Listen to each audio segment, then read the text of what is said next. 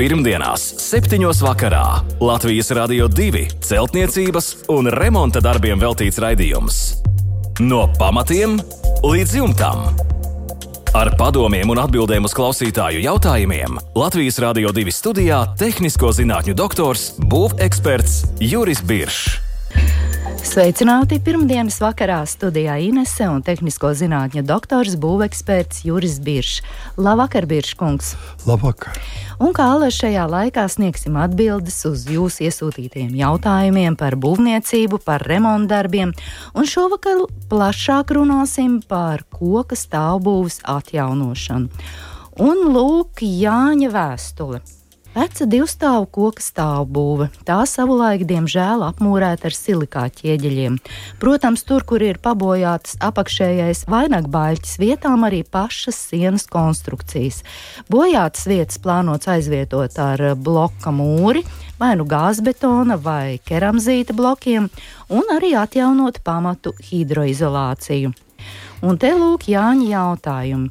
Kā veicama bloku mūra stiprināšana pie paliekošās koka konstrukcijas? Un ir vairākus variantus Jānis uzrakstījis. Pirmais jautājums. Ja aizvieto tikai apakšējo vainagu baļķi, kā stiprina jauno mūru pie atlikušajiem koku stāvbaļķiem? Laikam sāksim Biržkungs pēc kārtas. Jā, varam sākt. Apskatīsim vienu jautājumu un tad Jā, pāriesim pie nākamā. Teiksim, šī pirmā jautājuma, pirmā, pie kā mēs esam ķērušies klāt, pie Jāņa pirmā jautājuma. Nu, tā ir ļoti populāra tēma. Praktiski Latvijai bezgalīgi daudz mājas, kas ir tiešām koka, koka stāvbūves un guļbūves, kuras ir apšūtas. Līdzīgā situācijā. Jā, un teiksim, tad, kad teiksim, tā nav daudzīgāka uh, iespēja bija, cilvēks saprot, ka katru trīs gadus vai četrus gadus tur atjaunot tās koku lakas un krāsot un, un, un, un drīvēt. Un tas ir diezgan darbietilīgs process, un koks arī arī ātri noveco, un tāpēc pacientās ap, viņu apšūt.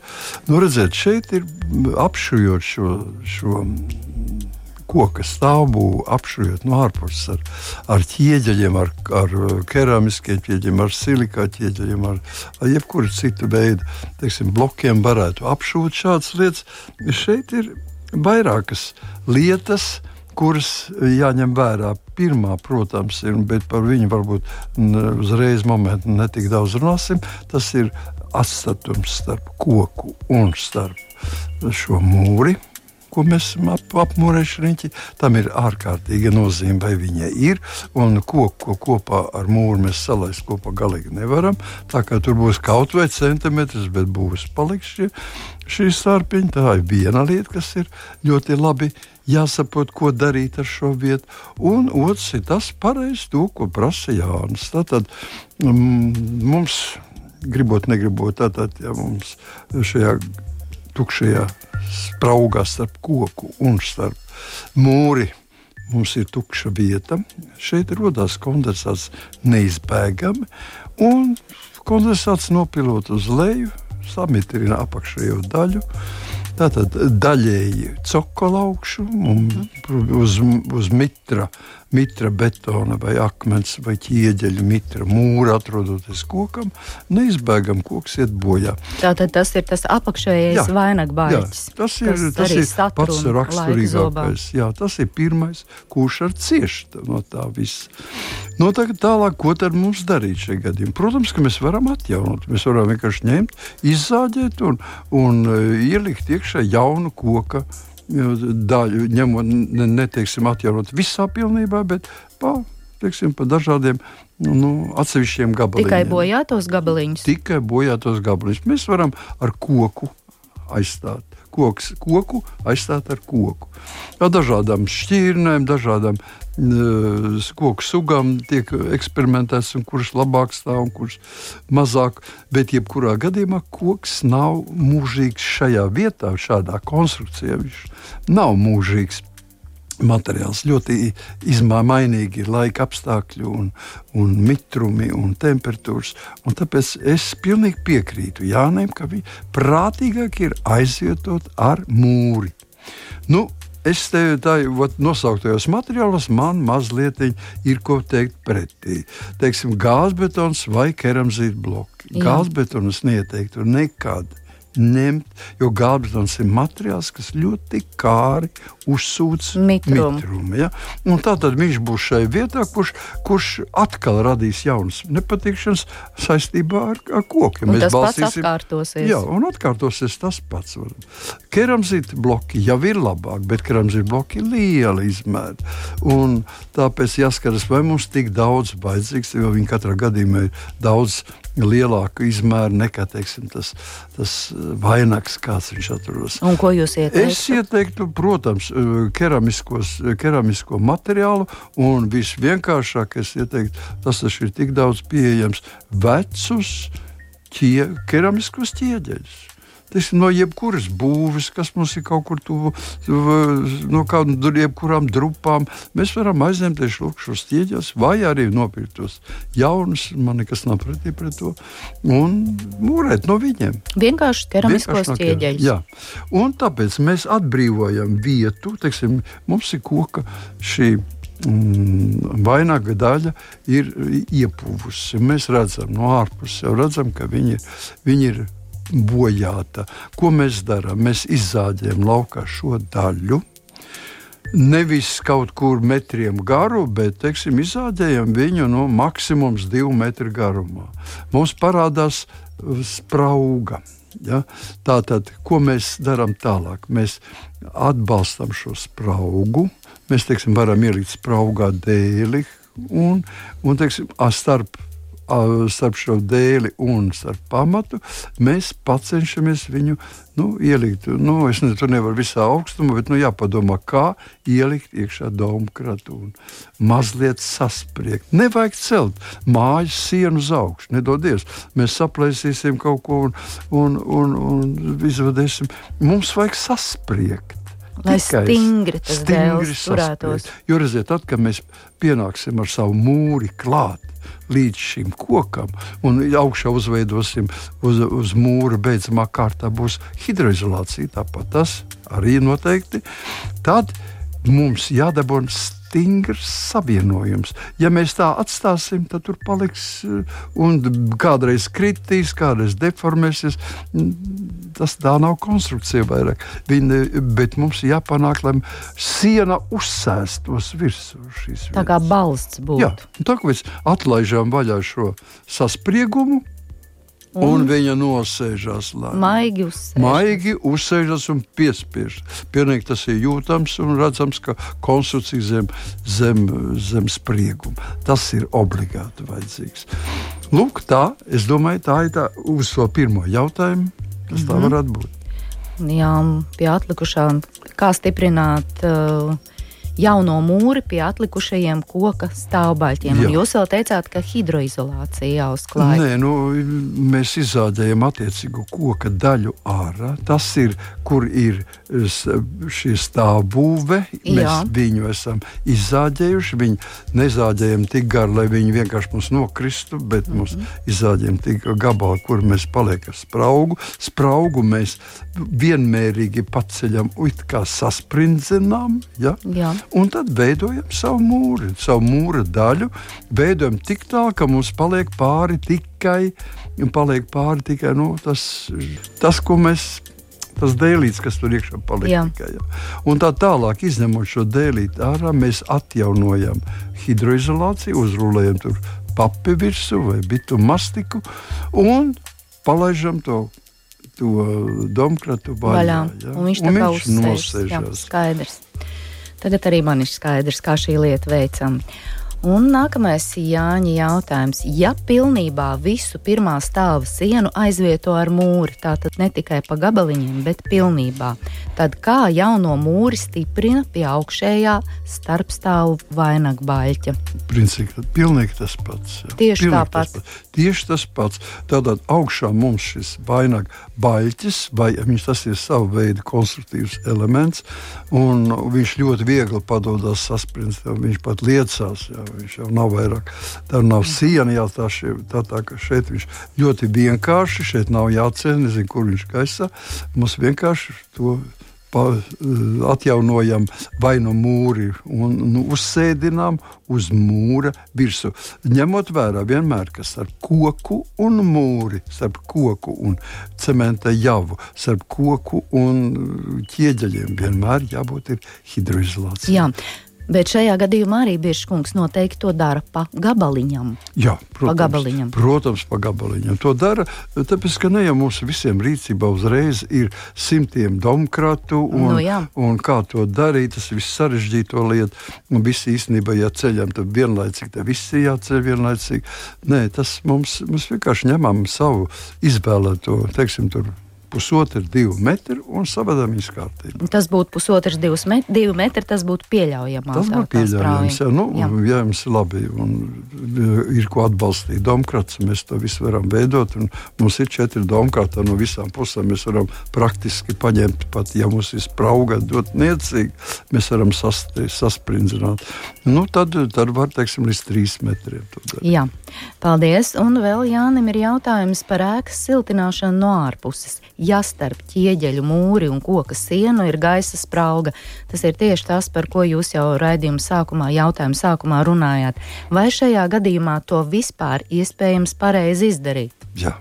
Nu, kā tur ir? Siltināt mēs varam jebkuru sienu, jebkuru sienu. Tikai mums ir jāsaprot, ka visas gaisa spraugas, kas atrodas ārsienā, ja viņas ir ventilējamas, tad, tad gaisa var ieplūst un gaisa var izplūst, tad viņas tur var atrasties. Bet tas nozīmē, ka tas būs augsts gaisa. Ja mēs viņas slēdzam, tad nekādi tukšumi atrasties nedrīkst. Tātad, ja mums ir kaut kāda šī gaisa sprauga, šī gaisa sprauga ir noslēgta, mēs neredzam, kur gaisa ieplūst, mēs neredzam, kur gaisa iz, iziet ārā, tad mums šī sprauga ir jāpiepilda. Ar ko? Ar vismaz ar siltumizolācijas materiālu. Ja? Tātad ar siltumizolācijas materiālu vienalga, vai tā ir akmens vate, vai tā ir ekovate, vai tas ir rīgi per nu, un tā tālāk. Un tā tālāk. Daži dažādi ir materiāli, vai tas ir putu materiāls, ko es ne sevišķi atbalstu, bet zināmos gadījumos tas ir pieļaujams. Tātad mēs piepildām. Ja mums nav tukša vieta, tad nav kur rasties kondensātam. Viņš nevar veidoties. Viņš plūst cauri šai masai un meklē vietu, kur varētu izplesties. Un šajā gadījumā mēs piepildām ar šīm pie, jā. iepūšamajām bumbiņām. Jā, mēs, oj, tas būtu brīnišķīgi. Tas jā, būtu šo, labākais variants. Tas ir labākais variants, bet tas ir ļoti dārgs variants. Un ļoti labi jābūt visam ir, ir izolētam, nohem, izolētam lai tas bumbiņas vienkārši neaizlidot pa gaisu. Jo viņas bumbiņas, jo jūs elpojat 10 cm attālumā no bumbiņām, tad jums viss jau plauš, iet pa gaisu. Plaušs ir pilns viņam. Jā. Bet Tā, ko tad Jānim izmantot? Nē, nu, viņš, viņas ir ļoti labas. Viņas var izmantot nu, teiksim, līdz 3 centimetriem, līdz 2. Teiksim, ja mums ir mazāk par, par 2 centimetriem, tad tikai tas bumbiņas var Jā. lietot. Ja viņas ir vairāk par 3 centimetriem, tas starp ir tāds jau ideālais variants. Vienkārši piepūš ar, sas, ar saspiestu gaisa palīdzību, ar ekovati. Mm -hmm. Zēni atbrauc un teiksim, divu, mā, divu stāvu māju. Nu, pusstundā, stundā izdarīt. Jā, un to visu arī izdara. Skaidrs, ļoti izsmeļošā atbilde Jānim uz visiem jautājumiem. Paldies! Un nākamā ir Zaigas vēstule. 1974. gadā celta pusotra stāva privāta māja ar zaigaim. Jumta stāvā ir divas dzīvojamās istabas. Istabas bēniņu siena un istaba ziemā ir ļoti augsta. Sienas biezums ir 1,17 cm, pakojumā ir nezināma vate. No bēniņa puses apsisti parasti dēļi un Zaiga ir nospriedusi siltināt šīs istabas un lūdz jūsu padomu, ar ko un kā to vislabāk varētu izdarīt. Jā, nu šeit tas jautājums ir diezgan pagaršs. Tur, teiksim, tā rītīgi viss izstāstīt, nezinu, mums, Ines, Ines, nezinu, vai mums atļaus to darīt. Bet ar ko sākt? Nē, praktiski tā lieta ir tāda, ka jāsaka, kad bēniņos izveidotās istabas, kuras veido pažobeli. Ja? Nu, teiksim, tajā, kur ir divi slīpju jumts un tā zemākā daļa, kur vairāk cilvēks nevar izstiepties visā augst, Jā, augumā. Mēs tur taisām sienu un paliek tāda pažobele.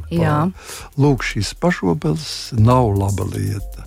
Un, ja parasti, ja mēs gribam kārtīgi, normāli uz, uzpasēt savu māju, tad mēs nevis siltinām šīs sienas, šīs pažobeles sienas, bet mēs siltinām jumtu siltinām jumtu, visu to daļu, no kuras sākās teiksim, izta, jumta izstabiņas griezt. Ja, no šīs mm -hmm. daļas, kur sākās, mēs siltinām līdz pašai pašo, līdz pašam jumta kastei. Jā.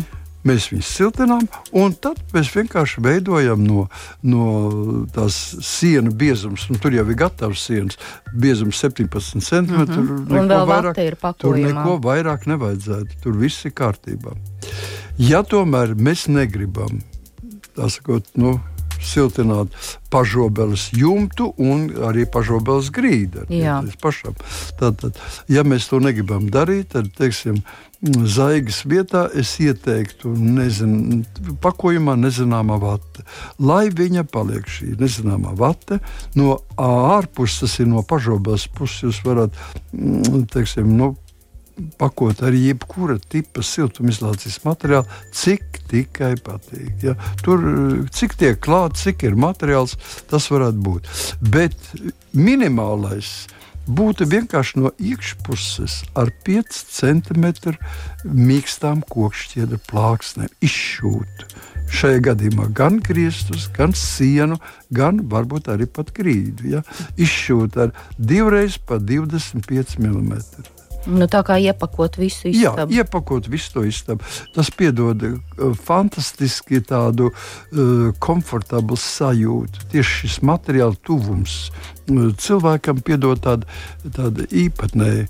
Teiksim, tiešām jā, ļoti komfortabli. Sevišķi, ja pēc tam mēs viņu apmetam tikai ar tīra kaļķa vai māla plānu apmetumu, uh, sajūta ir fantastiski laba. Elpojošs un silts. Elpojošs, silts un viss ir labi. Un 17 centimetri tas ir jau uzskatām, ka tur nav pilnīgs ārā gaiss, nu, bet gan drīz vai ārā gaiss. Nu, teiksim, 5 centimetri klāt, tas jau būtu tīri normāli. Jau būtu jūtam, jūtam uzlabot komfortu Tieši telpā. Tieši tā. Jā, paldies, Biržkungs, par atbildi Zaigai.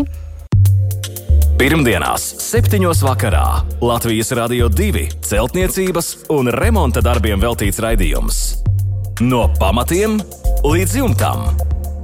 Ar padomiem un atbildēm uz klausītāju jautājumiem Latvijas Rādio 2 studijā - tehnisko zinātņu doktors, būveksperts Juris Biršs. Un turpināsim ar imanta rakstīto vēstuli.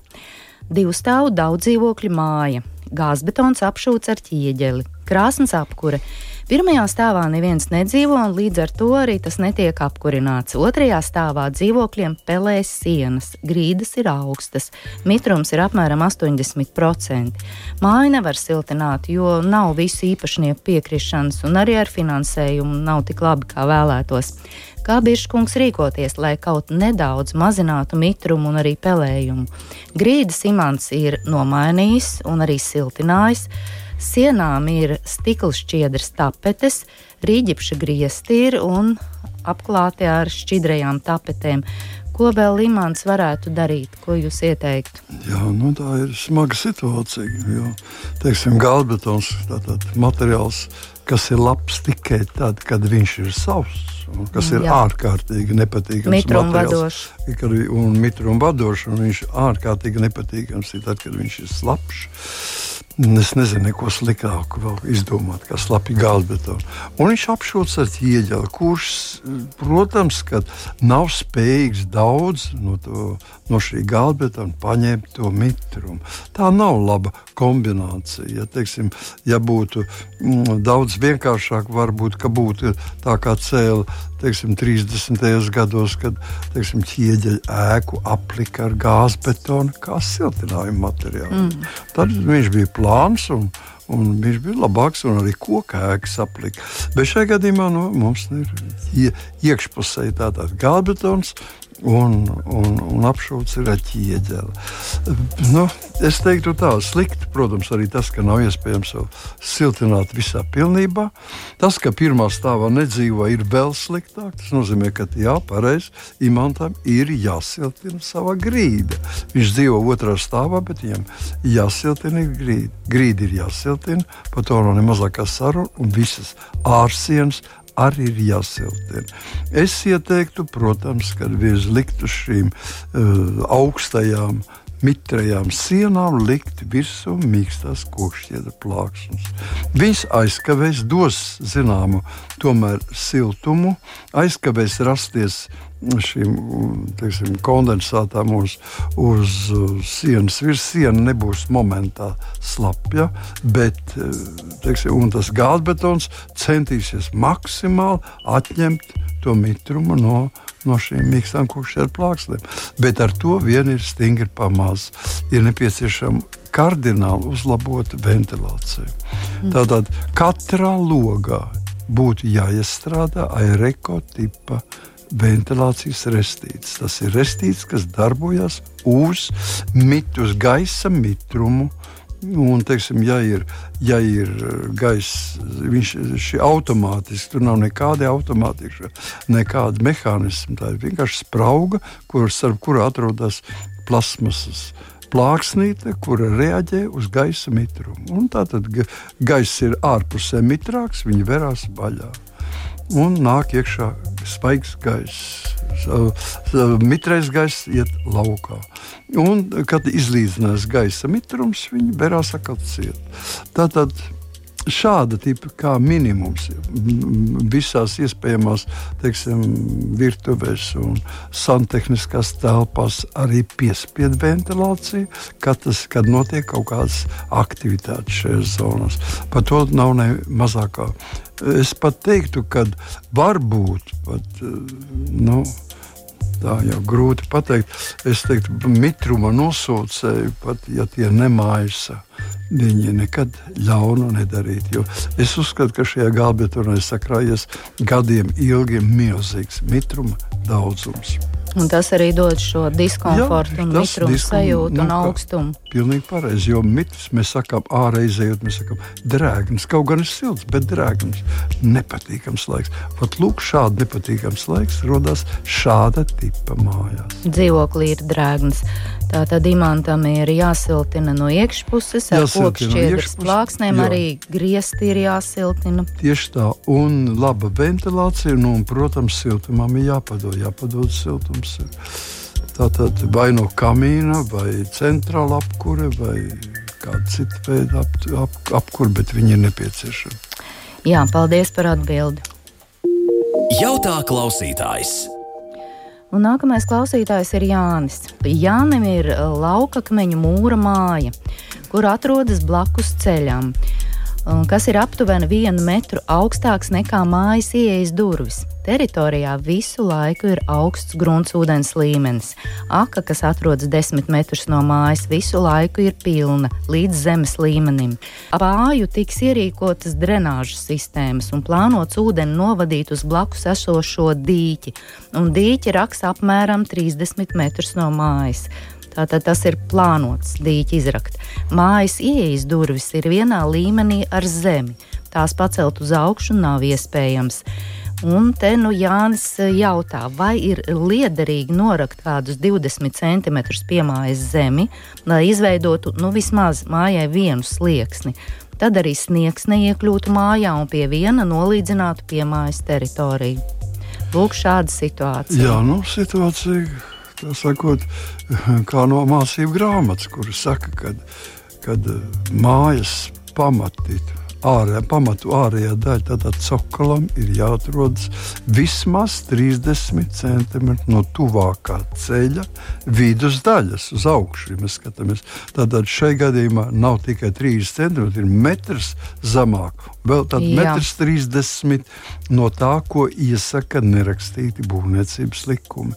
Tas nozīmē, ka šajā mājā būs mūžīgs mitrums, mūžīgi būs, būs cīņa par grīdu, jo grīda būs, grīda būs pakļauta uz sēņu slimībām un tā tālāk. Jā, un piedāvā vēl augsts gruntsūdens līmenis teritorijām. Nu, nu šeit viens tātad milzīgs milzīgs eh, cerība uz šo dīķi, kur raksts pie mājas apmēram 30 metru attālumā, kur nu vajadzētu pamatīgi iedziļināt, lai nu mēs vismaz virsējos ūdeņus nu, kaut, novadīt. cik, kaut cik novadīt. Tas, ko Jānis prasa par tiem noraktiem 20 centimetriem, es teiktu, tas it neko nedos mājas uzlabojumam tas neko nedos. Bet, teiksim, ja tas atļauj tikt vaļā no sniega, lai viņš neiekļūst iekšā, pie viena nolīdzināt pie mājas teritoriju, lūdzu, to var darīt. Bet kamēr ceļa segums būs augstāks par pamatu līmeni, tas ir cokola augšējo daļu, tikmēr tās problēmas ir un paliek. Pastāv tāda likuma, kas sauc par savienoto trauku likumiem. Ja? Tātad mitrums vienalga, kur viņš atradīs. Viņš teiksim, ceļa līmenī būs mitrums, viņš vienmēr būs tāpat arī centīsies nokļūt arī jūsu mājā. Tā, tā kā priekš vienkārši ērtībām lūdzu to var norakt, bet tas neatrisina problēmu. Problēmu atrisināt tikai, ja mēs tiešām paceltu šo māju uz augšu. Nu, diez vai šajā nu, gadījumā nu, šajā gadījumā varbūt ne, varbūt, kad, ja tā ir, nu, ja tā ir laukakmeņa mūra māja. Mūra. Nu, jā, tur tas prasa diezgan pamatīgu darbu. Pamatīgi darbu bet dīķis nu, vismaz varētu uzlabot jā, šo dīķis, situāciju. Tādā gadījumā tālāk vēl starp. Nu, tur ir jāskatās mazliet, no, mazliet arī no, no landšafta, kāds ir, no kuras puses nāk šie ūdeņi. Un, tur varētu šo to ieteikt, bet tas prasa apskatīt to lietu. Jā, vietu uz vietas apskatīt jā, situāciju. Paldies, Biržkungs, par atbildi Jānim. Paldies arī visiem pārējiem klausītājiem par jau iesūtītajiem jautājumiem, un, protams, mēs gaidām jūsu jautājumus, jūsu vēstules, jūsu dzīves situācijas. Sūtiet tās, rakstiet, ar prieku atbildēsim. Mūsu e-pasta adrese remonds at lr2.lv. Jautājumus varat iesūtīt arī izmantojot mūsu Latvijas Radio 2 mājaslapu, un, lai mūs klausītos, izmantojiet arī savas populārākās podkāstu straumēšanas vietnes. Bet šovakar, lai jums mierīgs šīs vakars, gaiši, silti un arī mierīgi Ziemassvētki jūsu mājās. Visu labu!